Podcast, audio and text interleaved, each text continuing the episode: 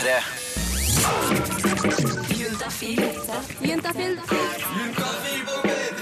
Med programleder Tuva Fellmann. Et godt tegn på at torsdagen er i gang for fullt, virkelig i gang, det er jo at det er Juntafil her på P3. Velkommen skal du være. Dette er nok kjent for å være Norges eh, kanskje pinligste program, men jeg vil nå også påstå, eller i hvert fall skryte på meg, at det også er veldig, veldig viktig. Og i dag så blir det kanskje fokus på det viktige, eller kanskje det ukjente, også litt skumle greiene. Det blir en annerledes sending i de neste timene her på P3. Vi skal snakke om prostitusjon. Vi skal snakke om salg av sex. Straks så treffer du Maria på 22 år som jobber som eskortepike. Vi får lov til å bli med inn i hennes verden og hennes virkelighet. Er ikke til det er ikke til å stikke under stol at dette her Jeg er veldig, veldig spent på dette. Og ja, står her eh, med glede frem til klokka sju. Tuva Fellmann heter jeg. Håper også du blir her frem til da. Eh, og når jeg sier ordet prostitusjon, eh, så tenker jeg på damer som står på gatehjørnet, og som blir med fremmede menn inn i slitne, ekle biler. Eh, Det er liksom det jeg forbinder med å være hore. Eh, Og så er det jo selvfølgelig sånn at eh, det ikke alltid er, eller bare er, sånn som fordommene sier. Det finnes utallige andre arenaer hvor prostitusjon foregår, og nå skal du få lov til å bli med inn i en av de. Altså Når man jobber som profesjonell eskorte, så er jo ting veldig regulert. Man, man har grenser, og man har ja, regler man forholder seg til, da, rett og slett. Hei, jeg heter Maria. Jeg er 22 år og jobber som eskortepike i Oslo. Som eh, er å holde menn med selskap. Enten det måtte være intimkontakt eller en middag eller en reise eller hva det måtte være. Eh, Når jeg startet jeg hadde tenkt på det siden jeg var eh, 17, men jeg startet ikke eh, før jeg skulle bli 21, da. Så det var jo ganske nøye gjennomtenkt og hadde gjort masse research og snakket med andre som drev med det samme. Ja, og Maria hun driver med eskorte, som vil si å selge sex. Prostitusjon. Og noen vil vel til og med kalle henne for hore. Så hvordan starter man med noe sånt? Det var vel egentlig um, en sexpartner som jeg hadde da, som jeg hadde lyst til å avslutte forholdet med fordi det var ikke så interessant mer. Men så tilba han meg en ganske solid sum med penger da, for å få lov til å ligge med meg en gang til. Så det var egentlig, det var egentlig første gang jeg prostituerte meg, da. Men det skulle altså ta fire år før den første telefonen kom. Da hadde hun, 21 gammel, lagt ut sin første sexannonse på ei eskorteside. Og så ringte det en mann som bodde ganske sånn i nærheten. Så spurte jeg hvor gammel han var, eh, og hva han hadde lyst til å gjøre. Han ville ha en halvtime. Samtidig som denne telefonen kom, så hadde jo allerede planer om en vanlig dag nede på stranda med noen venninner. Da hadde jeg tatt på meg badedrakt og var liksom klar for stranden. Men da gikk jeg bare innom han på vei ned dit for å møte vennene mine, da. Han bodde i en fin leilighet i en fin adresse, og mm, ville egentlig bare ha helt normal, vanlig sex. Så det var jo fra å gå fra en verden til en annen på noen minutter. Altså, det er jo ikke sånn at jeg er uh, schizofren og inntar en annen rolle, på en måte, men det er jo en omstilling man skal gjøre da, før man um, gjør noe sånt. Det, er, eh, det går helt greit for min del.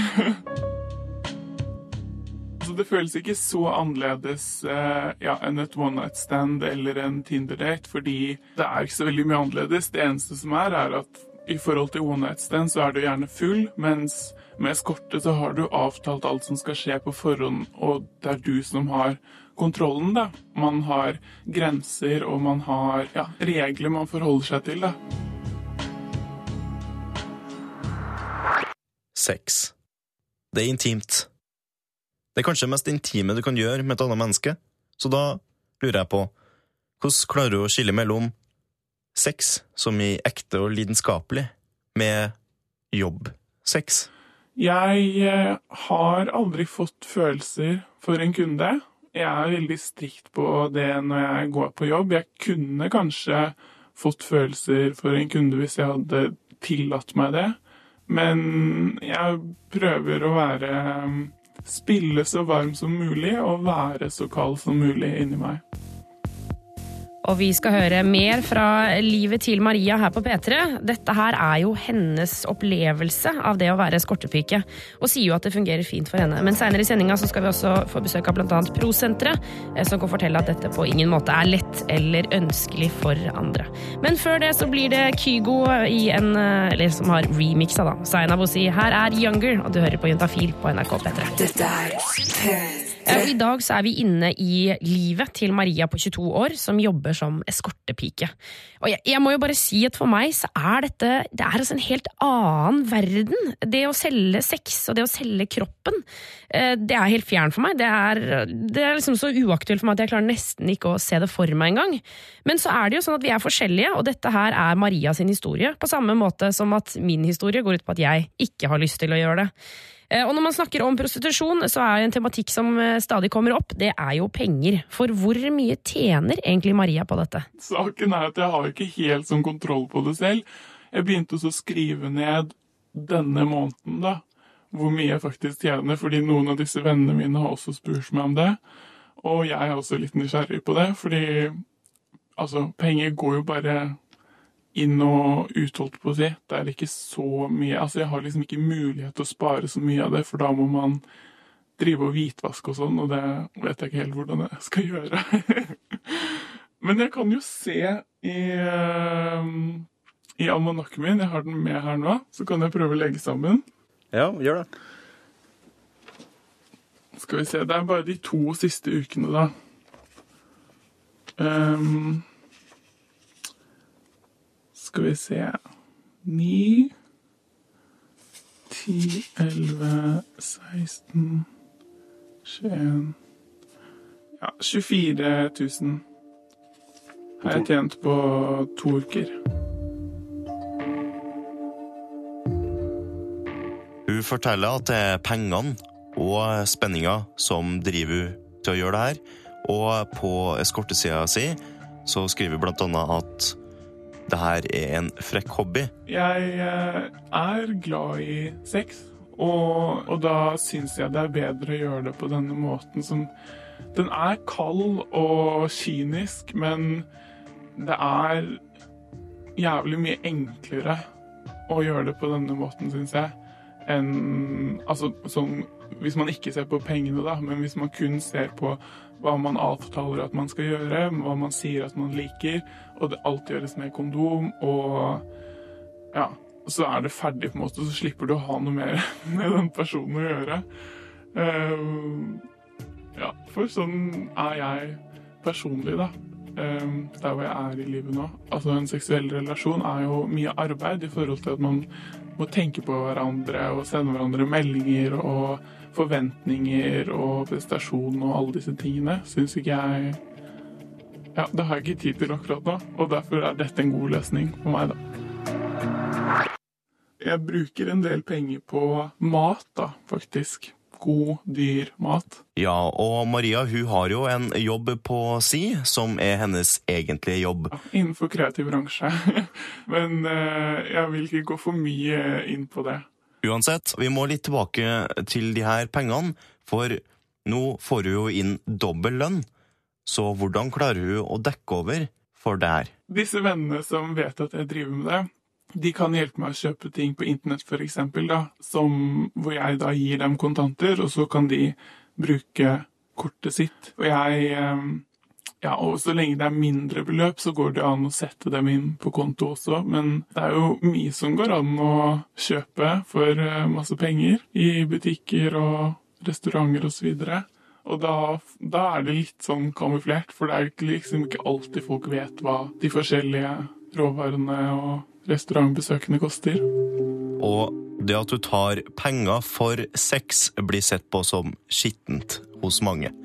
Nemlig det at du objektiviserer kvinnekroppen. Ja, det er jo mange feminister som tenker at jeg er en veldig god feminist også. Eh, så det kommer jo litt an på hva slags feminist man er. Men eh, nei, det, det må de bare tenke. Jeg mener jo at jeg er jo en ekte feminist i forhold til at jeg virkelig bestemmer over kroppen min da, og går mot alle tabuer og gjør nøyaktig hva jeg har lyst til, da. Og gir eh, penger, regler og normer om alt mulig annet. Og jeg er jo medlem av en feministisk eh, diskusjonsforening hvor prostitusjon har vært tema flere ganger. Og det er mange jenter og kvinner og feminister som står opp bak det at man burde få bestemme selv da, hva man har lyst til å gjøre med kroppen sin, og enten det er penger involvert eller ikke. Og dette er jo eh, noe som sikkert mange vil reagere på. Vi skal snakke mer om prostitusjon her i Juntafil. For det kan jo virke litt sånn enkelt, dette Maria forteller om. Eh, det er jo noe av det som, som sjokkerer meg med dette her, at det, det, virker liksom så lett. Og det er det jo helt sikkert for Maria, men jeg er ikke sikker på om det er sånn for alle. Senere skal vi få besøk av tiltaket Ung Pro, som skal fortelle om de tydelige ulempene og farene ved å prostituere seg. Men før det så skal vi også få høre litt om Marias tanker om farene ved å selge sex. Dette er P3. I dagens sending så får vi være med inn i livet til Maria, eh, som er 22 år og jobber som eskortepike. Dvs. Si at hun selger sex.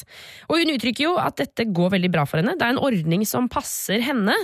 Jeg kjenner jo at jeg syns det er kjemperart. For meg så ville det jo ikke passet. Det ville ikke vært ønskelig på noen som helst måte. Så vi måtte jo høre om hun ikke hadde noen bekymringer rundt dette å jobbe som prostituert. Det jeg frykter mest, er jo å liksom bli kidnappet og voldtatt og sendt til et annet land og drept i verste fall. Det hadde jo vært helt forferdelig. Og det kan jo skje, dessverre. Men eh, jeg tror ikke det. Likevel, man veit aldri. For senest i september var det en mann som fikk seks og et halvt års fengsel for å ha voldtatt og rana ei prostituert. Og heller ikke tro at det tilsynelatende rosenrøde eskortelivet til Maria går upåaktet hen hos skumle menn. For selv om man hører mye på stemmen og sånn i forkant, så vet man jo ikke.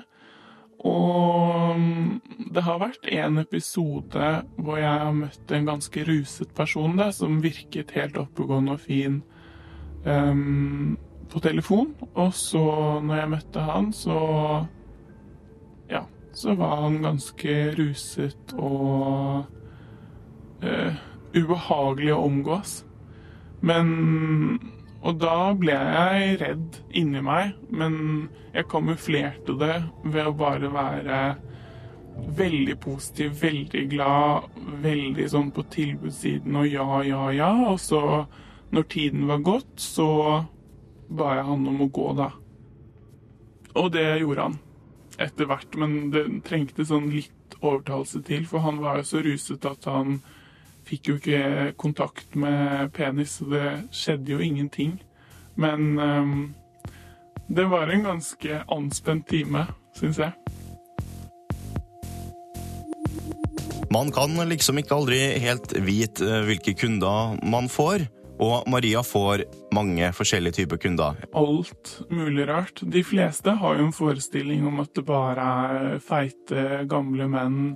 Det er en veldig god miks av alle typer mennesker. Og det er sånn at hun syns ikke noe dårlig om mannen som kommer hos hun for å kjøpe sex. Hun syns faktisk litt synd på de. Eh, det er, altså, jeg syns det er greit, for jeg tjener jo penger på det. Men så syns jeg litt synd på mannen.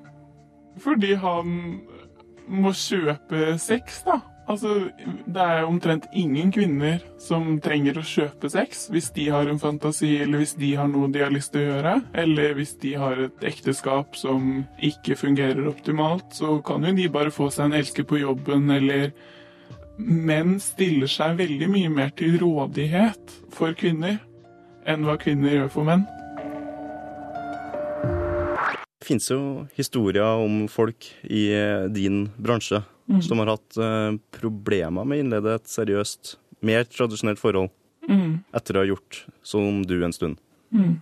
Hvordan er det for deg? Jeg har allerede vært i et seriøst forhold. Jeg har vært samboer i tre år før jeg begynte med dette. Så jeg føler jeg har et godt erfaringsgrunnlag der, og kan skille såpass på disse to områdene av relasjoner, da. Altså en kjæreste og en kunde. Det er to vidt forskjellige ting eh, for meg, da. Og de eh, jentene som har drevet med dette hvor at det at de ikke har klart å innlede et ordentlig forhold etterpå, har blitt en, et resultat, da. Det er jo bare veldig synd, og det Da skulle jo ikke de drevet med det de drev med, tenker jeg. Det er viktig å ha kontroll og styring og grenser og ja, vite hva man driver med, da. Og reporter her var Ole Fredrik Lambertsen, med teknisk hjelp fra Christer Johan Pettersen Dahl og produsering av Jonas Jeremiassen Tomter. Og så må vi også si en stor takk til Maria, som har valgt å stå frem i dette intervjuet. Straks så skal vi eh, få høre fra noen som jobber på den andre siden av prostitusjon, eh, nemlig fra hjelpetiltakene. Eh, hva de tenker om at unge mennesker prøver ut eskorteyrket. For dette er jo noe ganske spesielt, og noe vi fraråder på det sterkeste. Men før det så blir det musikk du får 'Nobody Knows' av Emilie Nicola. Vi har truffet Maria på 22 år, som er eskortepike i dagens Juntafil-sending. I løpet av de siste to ukene så har hun tjent inn 24 000 kroner på å selge sex. Og selv så ser hun ikke noe særlig vanskeligheter ved å prostituere seg, bortsett fra det at hun må leve et dobbeltliv. Vi har besøk av Anne Grytbakk, tidligere prosjektleder i Ung Pro, som er et tiltak eh, for unge som selger og bytter sex. Velkommen til Juntafil. Tusen takk. Du, hvor mange unge er det som driver med prostitusjon? Du, det er en marginalisert gruppe. Altså, Antallet er ikke kjempestort. Det tror jeg vi må huske på. Eh, men så tror jeg også at vi har eh, en del mørketall. Altså, Vi har ikke eh, full oversikt, nettopp fordi at internett har gjort muligheten til å knytte kontakt på veldig enkle måter. Sånn at mm. der tror jeg vi har et, litt sånn eh, mange gråsoner og kanskje en del sånne blindsoner som vi ikke ser at faktisk handler om prostitusjon. Da. Men for det, Vi sier jo liksom selger sex, men også byttesex. Altså, er, det, er det prostitusjon hvis man sier OK, jeg ligger med deg mot uh, en kul iPhone? Er, vi, er det prostitusjon da? Ja, eh, på mange måter så er det jo prostitusjon. Eh, sånn at eh, det du bytter med, eller vederlaget, kan jo være alt fra penger, rusmidler eller ting og gaver. Men jeg tror nok at vi hele tida må være litt sånn åpne for hvordan vi forstår begrepet prostitusjon, og at det tar litt nye veier i, i den tida vi lever i per i dag. Vi har også med oss Bjørg Nordli, leder på Prosenteret i Oslo. Hvordan jobber dere med prostitusjon? For det er, det er, litt, det er litt, sånn, litt annen type prostitusjon? Ja, altså Vi jobber jo hovedsak med personer som er voksne, som er altså over 18 år. Eh, og Vi er jo et, et hjelpetiltak for personer med prostitusjonserfaring. som de som kommer til oss, eh, har jo da et opplevd behov for en eller annen form for bistand knytta til eh, de erfaringene de har i prostitusjonen. Mm. Sånn at Vi gir jo et tilbud hvor vi har helsehjelp, vi har sosialfaglig personell som følger opp, vi driver oppsøkende arbeid og driver også et lavterskel drop-in-tilbud for eh, kvinner i gateprostitusjon. Ja, ja, for da snakker vi altså gate, det å, å liksom stå på hjørnet og hoppe inn i biler og sånne ting? Ja, da snakker vi det, om den formen for prostitusjon som folk flest tenker på når de tenker på prostitusjon. Ja. Nettopp det. Ikke kvinner som står på gatehjørnet. Eh, vårt tilbud er for alle, uavhengig av eh, hvor de selger seksuelle tjenester. Men hovedtyngden av våre brukere kommer nok fra gateprostitusjon. Men hvor mange er det som driver med det? Gateprostitusjon? Ja. Ja, nei, det er jo som eh, Anne sier, at det er jo vanskelig å vite. Ikke sant? Fordi eh, det er ikke så lett å telle hvor mange det dreier seg om. Men i de siste årene, i de estimatene som er gitt, så ligger de i Norge på en rundt 2500 pluss-minus som selger sex i Norge i løpet av et år. Men her er det nok også mørketall, og det finnes arenaer som det er vanskelig for oss å, å kvantifisere, rett og slett. Men Anne, hvorfor tror du at man begynner å prostituere seg som ung? Altså, hva, hva som, ja, hvorfor, hvorfor starter man med det? Jeg tror ingen som starter når de er veldig unge, tenker at de er i prostitusjon. Jeg tror nok at de i mye større grad eh, havner i situasjoner, enten at de blir leda inn i det av voksne som utnytter dem, eller at de havner i miljø hvor det her med å bytte kropp og, og vi vet jo at det å ha unge kropper er veldig attraktivt for mange. Altså det selger godt. Og, og er du litt ung, naiv og litt søkende, også spenningssøkende, så er det mange som, eh, som blir med på, på den der galeien der, da. Uh, og så er det jo en del som vi kjenner til som er i utgangspunktet ganske sårbare, og, og også krenka, kanskje seksuelt utnytta når de var yngre, som er veldig lette bytter. Uh, liksom, hvilke reelle farer er det for den prostituerte, Bjørg? Nei, altså Det er jo eh, helt klart at personer som selger seksuelle tjenester, er jo betraktelig mer Eh, i risiko for å bli utsatt for vold og andre former for ubehageligheter. Eh, det viser jo de kartleggingene som eh, vi har gjort, og det viser det meste av forskningen på dette feltet. Og det er alt fra trakassering fra tilfeldig forbipasserende personer til særdeles grove voldshandlinger med store personskader. Så det er klart at det er jo en, en virksomhet som på en måte begår, i stor grad hvor du er skjult, eh, og man forsøker å gjemme seg, og man blir med vilt fremmede personer eh, til steder hvor de er veldig sårbare. Ja, og så, og så tenker jeg at Når man blir med disse personene hjem, så er det jo er det ikke sikkert at man har samme tanke om hva som faktisk skal skje. Altså Det skal være sex, men hvordan skal det være, skal, hvordan skal det gjøres og sånne ting? Nei, altså Man har jo veldig liten kontroll i situasjonen. Man kan avtale på forhånd, selvfølgelig. Og så er det jo sånn at de aller fleste vil forholde seg til den avtalen, men det finnes jo også da ja, personer som ikke gjør det. Og man vet jo ikke heller om når man kommer hjem til personen, om det bare er flere der, eller hva, hva vedkommende har i tankene. Det er helt riktig. Ehm, vi skal snakke mer med både Anne og Bjørg om det å selge sex. Eh, vi skal se litt på følelsene og kanskje ulempene som kommer i etterkant. Dette er P3. Tidligere så traff vi Maria på 22 år som jobber som eskortepike. Eh, og Hun uttrykker at hun er ganske fornøyd med det hun driver med. Hun tjener gode penger, og det plager henne ikke noe særlig sånn følelsesmessig. Vi har fortsatt besøk av Anne Grytbakk fra Ung Pro og Bjørg Nordli fra Prosenteret. Ja, og dere, jeg, jeg, kjenner jo at det, liksom, det, rykker i hele kroppen min når jeg hører om dette her. Eh, hvorfor reagerer vi på at unge prostituerer seg? Jeg har lyst til å si det at jeg kan godt forstå tankegangen, og slik som det presenteres, så høres det jo både innbringende sånn økonomisk sett, og veldig sånn enkelt og, og rent, og litt sånn normaliserende og bagatelliserende i formen. Eh, at jeg kan forstå at eh, det kan oppstå en smitteeffekt, og den er jeg bekymra for. Eh, fordi at jeg kjenner til en del ungdommer som jeg tenker kanskje tåler det her ganske dårlig i forhold til fysisk og psykisk helse. Fordi at det blir sagt veldig lite om det som kan komme i etterkant av anger og smitte og, og bekymringer, og ikke minst stigmatisering. Så det er litt viktig å, å balansere det her eh, temaene, da. Ja, for det, altså, dette er ganske tungt. Eh, altså, eh, Bjørg, hva tenker du? Nei, altså, altså, Han har jo rett i det hun sier, men samtidig så tenker jeg jo at det er viktig å ha med seg at uh, folk er forskjellige, da. Uh, og det er jo klart at det finnes uh, personer der ute som, som, Maria, som jo har det helt greit med det å, å selge seksuelle tjenester, og som, som synes at det er en, en, god måte for seg i den situasjonen de er i nå, til å tjene mye penger. For det er jo det det handler om. Man eh, snakker sjelden om lettjente penger, fordi det har omkostninger å selge seksuelle tjenester. Men man kan jo få rask inntjening. Eh, og så vil det være helt avhengig av hvem du er som person og de livserfaringene du har med deg inn eh, i prostitusjonen, og hvordan det vil oppleves å være der. Eh, og ikke minst hva slags følelsesmessige reaksjoner du kan få i etterkant. Ja, for Jeg tenker sånn, jeg har jo gjort mye, mange ting i mitt liv som jeg tenker sånn, dette er kjempeenkelt og dette er ikke noe problem for meg. Og så etterpå så tenker jeg ah, shit, skulle jeg liksom egentlig gjort dette her? Nei, ja, men Det er jo liksom noe av de utfordringene man står overfor når man er ung, da, ikke sant? hvor man jo har en veldig sånn stor tillit til sine egne vurderinger. Og så viser det seg jo når man blir litt eldre at man kanskje har gjort Eh, dårlige valg. Men det betyr jo ikke at valgene behøver å være knusende eller avgjørende for hvordan livet ditt vil bli videre framover. Man kan heller tenke at man lærer av det, eh, og uten at man behøver å få varige men. De fleste av oss får jo heldigvis ikke det. Og Det samme gjelder for personer som, som går inn i prostitusjon med så åpent eh, blikk som det Maria gjør. Men det er helt klart at det er ikke for, for alle, og det skal man jo være oppmerksom på. For nå høres det for meg så høres det ut som at, at det er noe for ganske mange?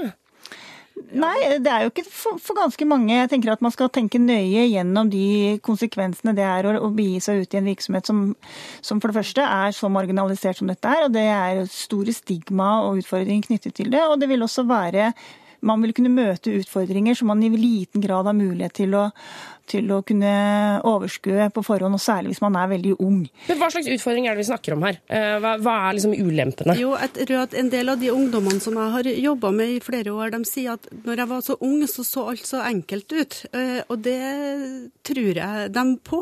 Eh, og så sier de jeg var jo egentlig ikke i stand til å se konsekvensene. Fordi at ved modning så har de kanskje angra seg. Samtidig så sier de jo at så enkel metode for å tjene seg litt penger penger. Mm. Altså det er, det, og det kan jo være fristende for uh, en og hver. sånn at uh, det ligger jo noen muligheter, og jeg tror jeg er enig med Bjørg i at noen tåler det her bedre enn andre. Men vi må jo være litt uh, våken for hvem det er som tåler det dårlig. Sånn at vi ikke hele tida liksom individualiserer det, men at hvordan et samfunn liksom møter det her temaet på, og hvordan vi forstår fenomenene slik de utvikles. Og jeg synes jo det er litt Altså, nå sier jeg vittig, men altså, det er jo litt sånn snedig når uh, en jente sier at hun hadde starta i skorte og opplever at hun tjener godt med penger. Og så bestemmer hun seg for å avslutte det her, og går på Nav og blir holder på å flire seg i hjel, for å si det på trøndersk. fordi at hvordan hadde noen tenkt at jeg skulle leve over på så lite penger? Ja, så det blir noen jo... kontraster som blir kjempestore. Ja. Men, og, og, du Bjørg, som da jobber med altså hvis vi kan si liksom litt eldre eh, skaren av prostitusjon. Hva slags ulemper eh, opplever du at de forteller om? Nei, de, de, forteller jo om, om eh, de ubehagelige møtene de har i prostitusjonen. Eh, Hvor de jo blir utsatt for eh, for ting som de ikke hadde eh, overskudd, eller eh, voldshandlinger f.eks. Mm. Men samtidig så er det vel også veldig mange som, som blir slitne av og får eh, problemer knytta til det dobbeltlivet som man er nødt til å leve. ikke sant? Og det er jo, det er jo sånn at det, Prostitusjon er ikke noe man kan snakke åpent om med venner og familie. De fleste holder det jo helt for seg selv. Samtidig som man er jo en del av eh, et liv ved siden av. ikke sant? Og det er den der frykten for at du kan møte kunder eh, andre steder på andre arenaer enn eh, der hvor du ønsker deg, eller at det kommer kunder til deg som du kjenner fra før. Sant? At liksom pappas kamerat kommer plutselig og ringer på? Ja, ja, ikke sant? eller en eller annen som du vet hvem er da, som gjør at det blir vanskelig. Både frykten for det, men også det at man da er redd for å bli avslørt. Så tenker jeg at jeg har lyst til å si litt til det Anne sier. Jeg er helt enig med Anne at man må være veldig klar på at det å være ung i prostitusjon har store negative konsekvenser. Og det er forskjell på om du er 15-16 år eller om du er 22. Både modningsmessig, men også i hva som på en måte vårt samfunn mener at du kan få lov å bestemme eh, hva du skal gjøre. Og det er jo klart at hvis du er, er under 18 år og, og er, eh, selger seksuelle tjenester, så er det en atferd som, som, vil falle under det som barnevernet vil si er skadelig for, for ungdom. Eh, sånn at det er jo ikke noe som er verken ønskelig eller som vi ikke skal ta på alvor hvis eh, ungdom bytter eller selger seksuelle tjenester. Det, det syns jeg er viktig å få understreket. Vi skal snakke mer med både Anne og Bjørg om prostitusjon her i Juntafil på P3. For det er jo stor forskjell fra person til person. Eh, bare som et eksempel, Maria som ønsker å holde på med prostitusjon og trives med det, mens jeg for eksempel ikke kunne tenke meg det. Det er altså Ja, det er, det er ikke på noen som helst måte aktuelt for meg. Hvorfor er det så stor forskjell fra person til person når det kommer til denne tematikken her? Men først så blir det Brothers and Sisters. Her er Twin Atlantic. Dette er vi har snakka mye om prostitusjon i dag, og fortsatt så er det for meg altså Det er helt utenkelig. Jeg kan ikke forstå hvorfor noen ønsker eh, å prostituere seg, enten om det er gateprostitusjon eller eskortevirksomhet eller hva nå enn det måtte være. For meg er det nesten litt sånn Ja, for å være ærlig så er det litt sånn kvalmende å tenke på.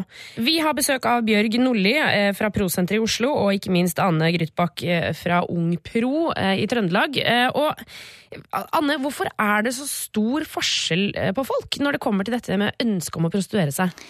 Jeg tror at eh, i hvert fall i forhold til de sakene som jeg kjenner til, så er det hele spekteret her også. Eh, og noen er mer spenningssøkende og tør å ta mer risiko enn andre og syns at dette er noe som må prøves ut, fordi det, det ligger jo mye spenning i det. Og når det også ligger penger i det. Og det derre spillet og en del saker som jeg kjenner til, er jo også at prostitusjon er en del av et, en form for rollespill som de går inn i. Så tenker jeg også, Det er jo sånn at uh, alle mennesker er ulike. Og det er ikke sånn at de aller fleste kunne tenke seg å selge seksuelle tjenester uansett hvor stor økonomisk krise man var i. For de fleste så er det helt uh, uaktuelt. Uh, men for noen da, så vil det på en måte være ett alternativ. Og hvorfor det blir det for noen, mens majoriteten jo ikke er der i det hele tatt er litt avhengig av de livssituasjonene som disse menneskene er i, hva slags bagasje man har fått med seg tidligere i livet, og, og hva man på en måte tenker at man selv greier å håndtere. Eh, og det er klart at for de, som Anne sier, for de, for de yngste så er det nok også veldig mye spenning knytta til dette med sex og seksualitet, ikke sant. Altså man er i en fase av livet hvor det er eh, veldig, veldig nytt og, og, og noe man ønsker å utforske. Eh, og hvis det da var i tillegg knyttet penger til det, eller goder som man ønsker seg, så, så er det klart at det er lettere å se for seg at man kan på en måte bli eh, om ikke lurt, så i hvert fall liksom trigga til å, å, teste ut hva dette handler om. Så er det også viktig å, å legge til da at eh, de undersøkelser man har på veldig unge, så er det sånn at de Det er veldig mange av de som, som, har Ikke mange, men de som har prøvd. De fleste av de fortsetter jo ikke i prostitusjon. Men så er det jo de som fortsetter eh, å selge sex. Eh, de som prostituerer seg. Altså, da snakker man jo ofte om stigma. Eh, hvordan er det med den i Norge? Står den så sterkt som vi tror? Det står veldig hardt i det norske samfunnet, og det er jo noe av det, de utfordringene som personer som har prostitusjonserfaring møter når de enten skal eh, snakke om det til andre, eller i møte med helsevesenet eller sosialtjenesten, ikke sant, er jo at det, de blir møtt med fordommer. og Derfor er det også veldig vanskelig eh, å snakke om det. Og man har forforståelser for hvem disse menneskene er, og hva de trenger. Ja, og for eksempel at uh, Idet man treffer noen som vet at du har drevet med prostitusjon, at de da sier ja, men kan ikke bare bli med meg inn på rommet her, jeg bare trenger, å, jeg bare trenger litt sånn ja, det også, ikke sant? og at man er et dårlig menneske. Det er jo det det handler om. Ta dårlige valg, liksom. Ta dårlige valg, men ikke bare det at du tar dårlige valg, men du er et dårlig menneske. Ikke sant? Eh, og dette har jo lange historiske tradisjoner om de falne kvinnene og de som lokket mennene ut i, eh, i uføre, ikke sant. Men tror du at kanskje den, det at hun eskortejenta som står fram i det programmet her, er med på å gjøre det mer akseptabelt? Nei, jeg, jeg, jeg, jeg, er ikke så redd for det. For jeg tenker jo at det, de negative eh, tankene folk har rundt prostitusjon. Altså som, som, Tuva sa, hun kunne aldri tenke seg å gjøre det. Du ble mm. kvalm bare på tanken. Det er jo den reaksjonen som, mm. som, folk flest vil ha. Men det som jo er et faktum, er jo det du var inne på tidligere, Anne, som handlet om den seksualiseringen vi ser i samfunnet generelt, og at sex er kapital, på en mm. måte. Og det formidles jo gjennom alle kanaler som, mm. Eh, som, unge mennesker beveger seg i. Alt fra musikk og film til eh, alt som foregår på sosiale mm. medier.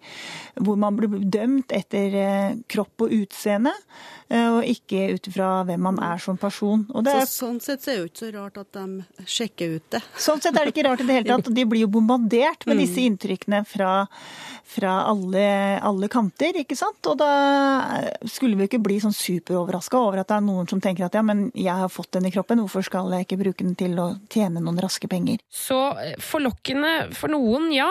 Frastøtende for andre. Uh, uansett så er dette her noe vi i Juntafil uh, fraråder på det sterkeste at folk skal begynne med. Anne Grytbakk og Bjørg Nordli, tusen takk for at dere kom innom. Vi fortsetter her på P3 med Dorothy After Midnight. Kid Astray, Back to the Ordinary, og før det Dorothy After Midnight her i Juntafil på P3. Tuva Fellmann heter jeg, og syns det er hyggelig at du er med oss denne torsdags ettermiddagen. Um, hvis du har lyst til å høre saken om Maria på 22 år som har eskortepike, så kan du stikke inn og gjøre det på radio.nrk.no. Det er jo det vi har pratet om frem til nå. Men nå er det på tide å bytte og hoppe over til gode, gamle, deilige Juntafil. Altså, jeg snakker selvfølgelig om disse SMS-ene som vi skal ta for oss. Det skal bli pinlig prat eh, fremover den neste timen, og det gleder jeg meg stort til. Men vi trenger deg, selvfølgelig. Eh, send inn ditt spørsmål til 2026, kodeord juntafil. Husk å ta med kjønn og alder, og her er altså da mulighet til å spørre om hva du vil. Vi, altså, vi snakker sex, kropp og følelser, selvfølgelig, eh, men altså, vi får aldri vite hvem du er. Vi får bare det som står på meldingen din, så derfor kan du bare ja, Det er bare å kjøre på med de spørsmålene du egentlig har. De spørsmålene du ikke tør å stille til noen andre.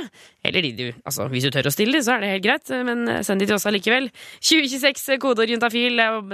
Bare ta med store pupper hvis, det er, hvis du føler at du har for store pupper, eller hvis du har kukost, eller hvis du ikke har fått mensen og er bekymra for det, kanskje du har fått klamydia og lurer på hvordan du skal bli kvitt det, eller kanskje du er forelska i bestevenninna di og lurer på hvordan du skal fortelle til henne.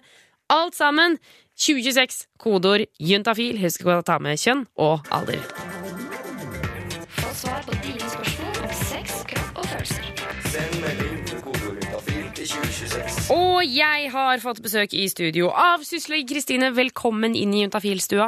Tusen, tusen takk, Tuva. Det er deilig å ha deg her. Jeg blir alltid roligere, føler meg mye friskere. Eh, altså, livskvaliteten min øker når dere syslegen er der. Ja, det er veldig godt å høre. Du jobber som sagt da for eh, noe som heter SUS, som står for Senter for ungdomshelse, samliv og seksualitet. Og hver torsdag så er jo dere innom her, og eh, da får vi spørsmålene som blir sendt i 2026, kodeord juntafil, til oss, og så svarer du da. Ja, Eh, og da er det enten her på lufta eller på SMS i løpet av morgenen. Så alle får svar! alle får svar. Å, så deilig. Eh, vi har fått inn første SMS fra en gutt på 21 år, hvor det står Hei. Jeg har mye fett rundt pikken og lurer på om det er eh, noe fare å fettsuge.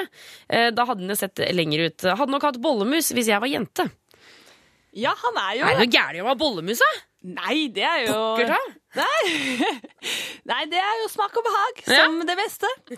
Um, og det er jo Han tenker jo Det er jo litt logisk, det han tenker. At hvis han liksom får senka det, det rundt som da han tenker er fett, så vil jo da kanskje penis se litt lenger ut. Ja.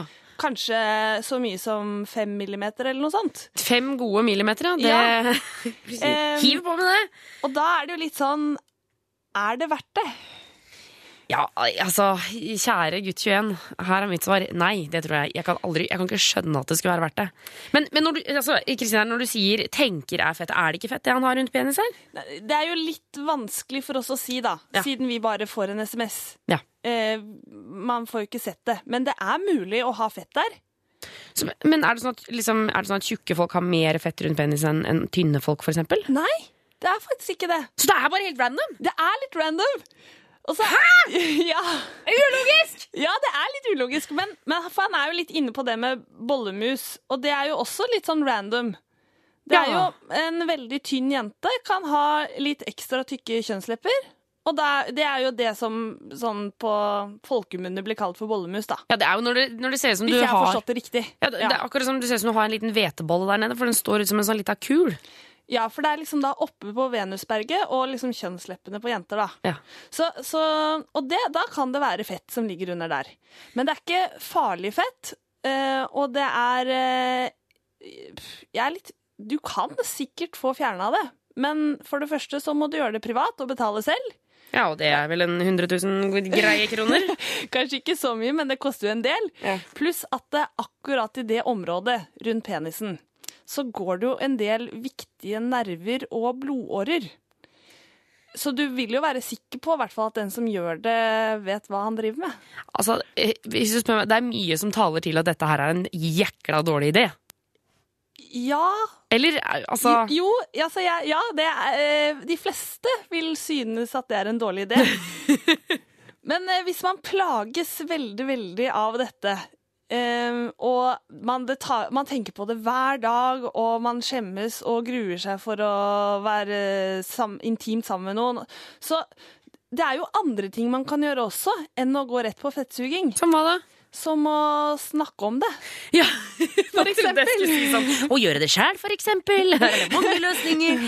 Ja, og snakke om det. Fordi altså, hvis du, har, hvis du er sammen med en jente som, som ikke liker deg fordi at du har fett på penisen din, nei, da må du bytte jente, altså. Ja, helt enig. Hopp til neste. Si Ja. takk og farvel.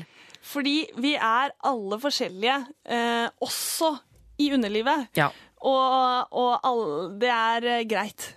Og, og, så, og så tenker jeg, Idet vi begynner å snakke om dette, her, så begynner jeg å tenke sånn, hvordan ser jeg ned nedendel, og hvordan er det der? Og hvis jeg skal, altså det si, hvis jeg skal begynne å tenke på det også Jeg retter ut håret mitt på hodet hver eneste dag. Jeg, jeg sminker meg hver eneste dag. Hvis jeg må begynne å bekymre meg for hvordan jeg ser ut nedentil, Jeg orker jeg ikke, altså. Nei, Det blir for mye for meg. Det blir, ja. Det blir, for noen blir det litt for mye. Ok, um, Masse lykke til, gutt 21. Vi tenker at dette eh, Vi må heller, heller snakke om det og, og ta et par ekstra runder på dette her før man ja, begynner å tenke fettsuging på penis. Ja, eller på, på huden rundt der hvor penis sitter, da. Ikke sant? Ja. Nummer inn er 2026, koder er juntafil. Husk å ta med kjønn og alder på SMS-en din.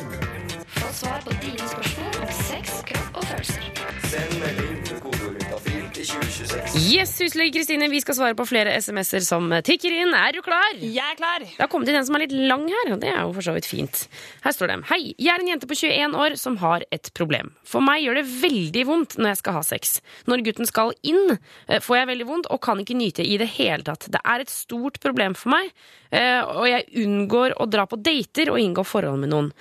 Jeg føler at jeg er som en mislykket kvinne, og jeg vil ikke lure noen inn i et forhold som åpenbart ikke kan fungere sånn som det burde. Hvis jeg møter en bra fyr, så fortjener ikke han å være med, eh, altså, ikke han å være med en som ikke kan ha sex. Jeg tør ikke å nevne for noen, ikke engang fastlegen. Er, dette, er dere kjent med dette problemet? Hva kan gjøres? Takk for svar. Da vil jeg bare si aller først til jente 21. Du er ikke mislykket. Å, fy fader, du er virkelig ikke mislykket. Ikke i det hele tatt. Og jeg skjønner at dette kan være veldig veldig vanskelig og frustrerende, men du er ikke mislykket. Nei, Åh, Jeg får nesten litt tårer i øynene av å tenke på det. Ja, Og så kan jeg bare si det neste, at dette er et veldig vanlig problem. Ja, hva er det det? Ja, det er veldig vanlig. Og for mange så finnes det en enkel løsning, heldigvis. Ok. For det hun beskriver med at det gjør vondt når hun har sex, særlig i starten eller i åpningen, når gutten skal inn, det kan tyde på at man har en soppinfeksjon i skjeden. Soppinfeksjon? Noe så vanlig som det. Det har jo altså soppinfeksjon. Nei, det er liksom eh, ja, det, ja, det er vanlig, det. Det er kjempevanlig. Og det går da Altså, det, det finnes behandling for det, men jeg vil jo anbefale henne å ta en tur til legen.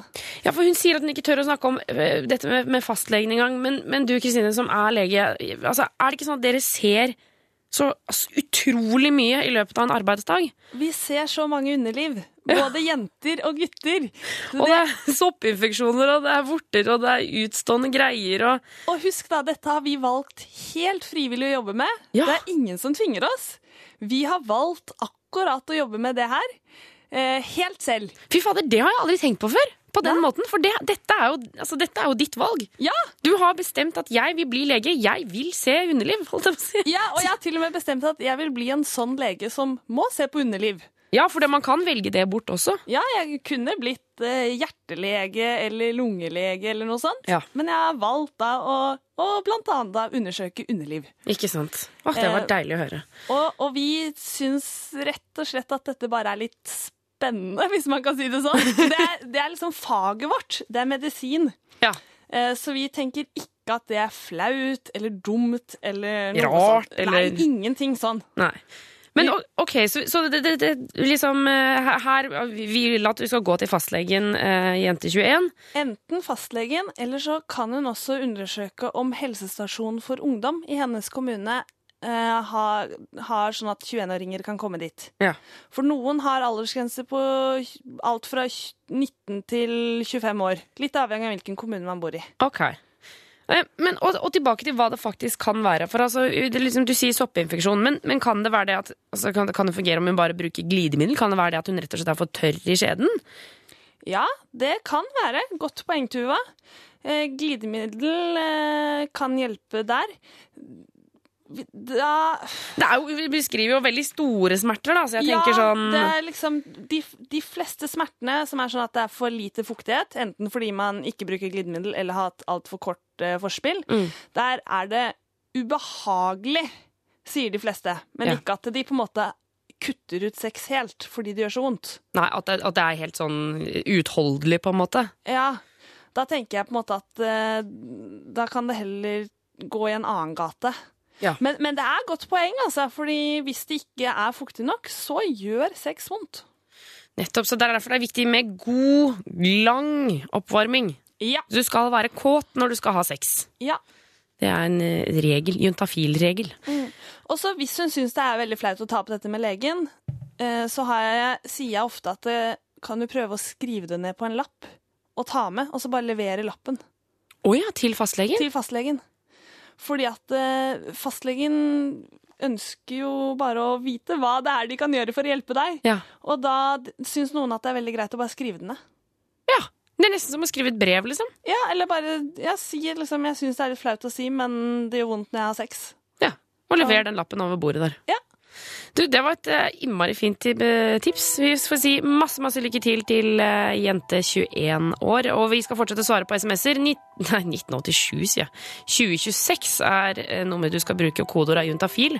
Og grunnen til at du ikke skal bruke den vanlige P3-kontoen, er for at på 2026 da får vi ikke vite hvem du er i det hele tatt. Så husk å ta med kjønn og alder på SMS-en din. Få svar på dine spørsmål juntafil til 2026. Syslege Kristine er fortsatt i studio og svarer på SMS-er, og alle får jo svar, Kristine. Absolutt alle som sender en SMS til 2026, får svar. Jeg har en gang prøvd å, å sjekke det, hvor jeg bare skrev et sånn hei, og så får jeg tilbake dagen etter hei. så det liker jeg med å få svar, eh, men du må jo stille et spørsmål for å få et faglig svar tilbake, da. Ja. Um, vi eh, skal hive oss på et som har kommet inn her, fra gutt 23, eh, hvor det står 'har fått prikker på penis', og over ser ut som kviser, men er ikke det. Har hatt sex med samme dame i ett år, en del uten kondom. Er dette farlig? Må jeg til lege? Noe jeg helst ikke vil. Er ikke sammen henne lenger, men er redd for å ha sex før jeg vet hva det er. Ser ikke akkurat deilig ut. Prikker på penis. Ja, det er jo veldig mange som tar kontakt med oss fordi de har oppdaget prikker på penis. Ja. Eh, og da, sånn som han beskriver det, ser ut som kviser.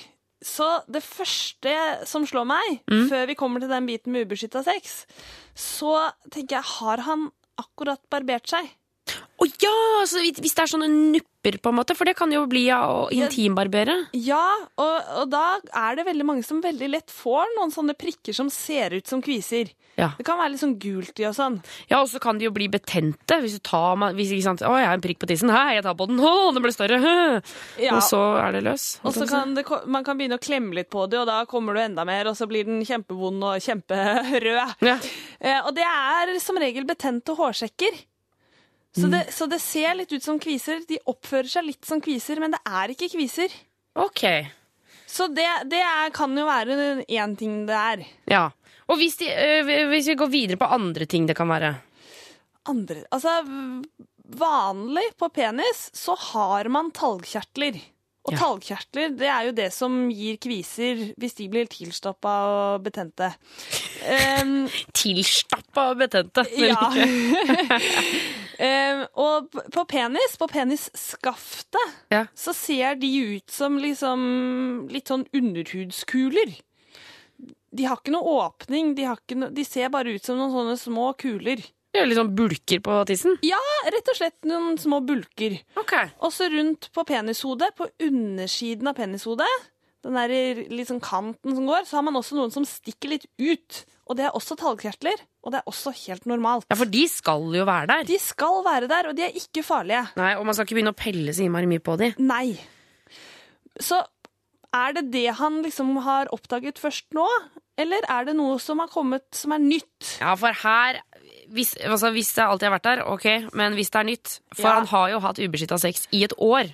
Han har det, og sjekka de seg da før de begynte å ha ubeskytta sex, eller gjorde de ikke det? Og har de bestemt om de skal bare ligge med hverandre, eller om hun kanskje har ligget med mange andre uten kondom også? Eller om han også har gjort det, selv om han ikke skriver det, da. Ja. Men eh, ja. Mm. Så det kan være noe klamydia, da, eller? Klamydia blir vel ikke prikker?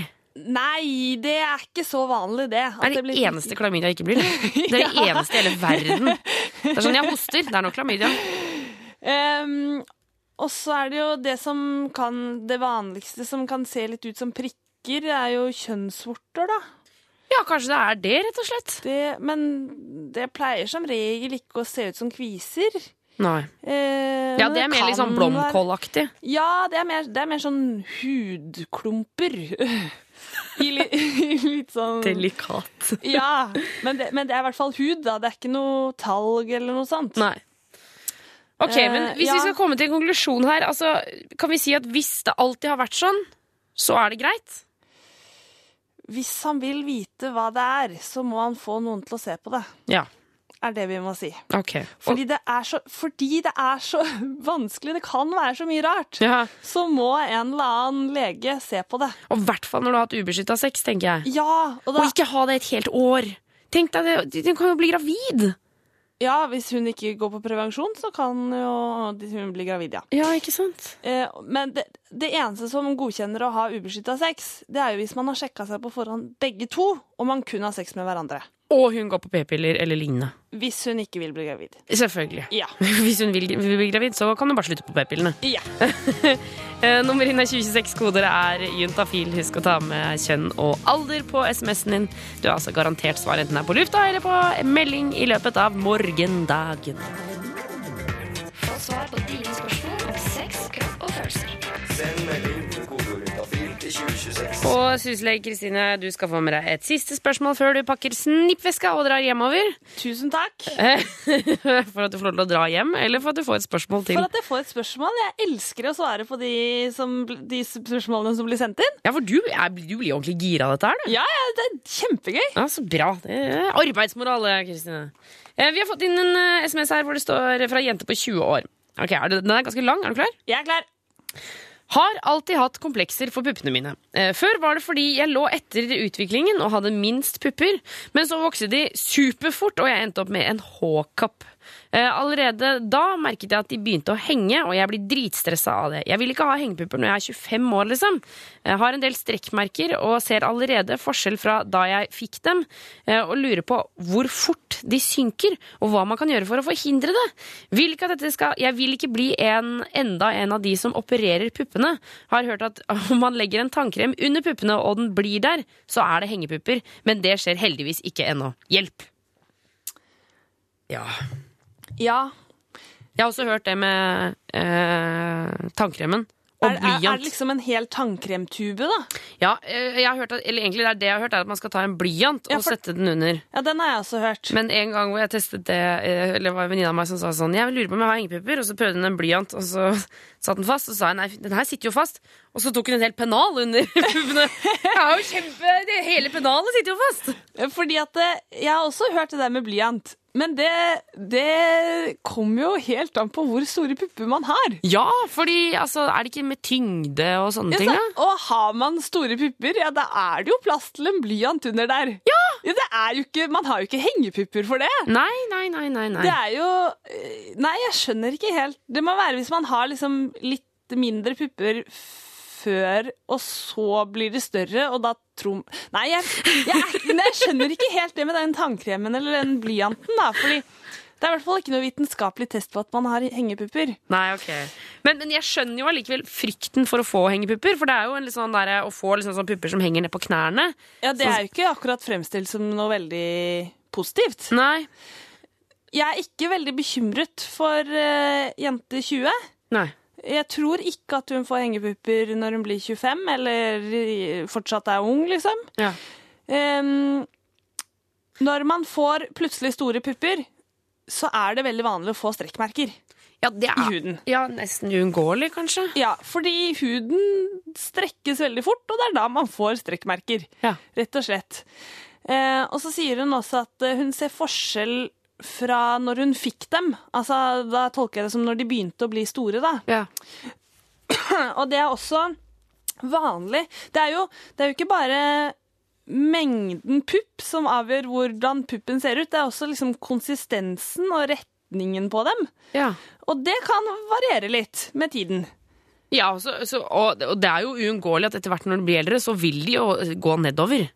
Tror du ikke det? Jo, og i hvert fall hvis man får barn og ammer. Ja. Fordi da øker Da starter jo melkeproduksjonen, og da øker eh, volumet. Og så når man er ferdig med å amme, så minskes det igjen. Men huden trekker seg ikke like mye sammen. Å ja, det er som å kjøpe liksom, en pose med matvarer, og så tar du ut litt av det, og så er det jo masse mer plass i posen.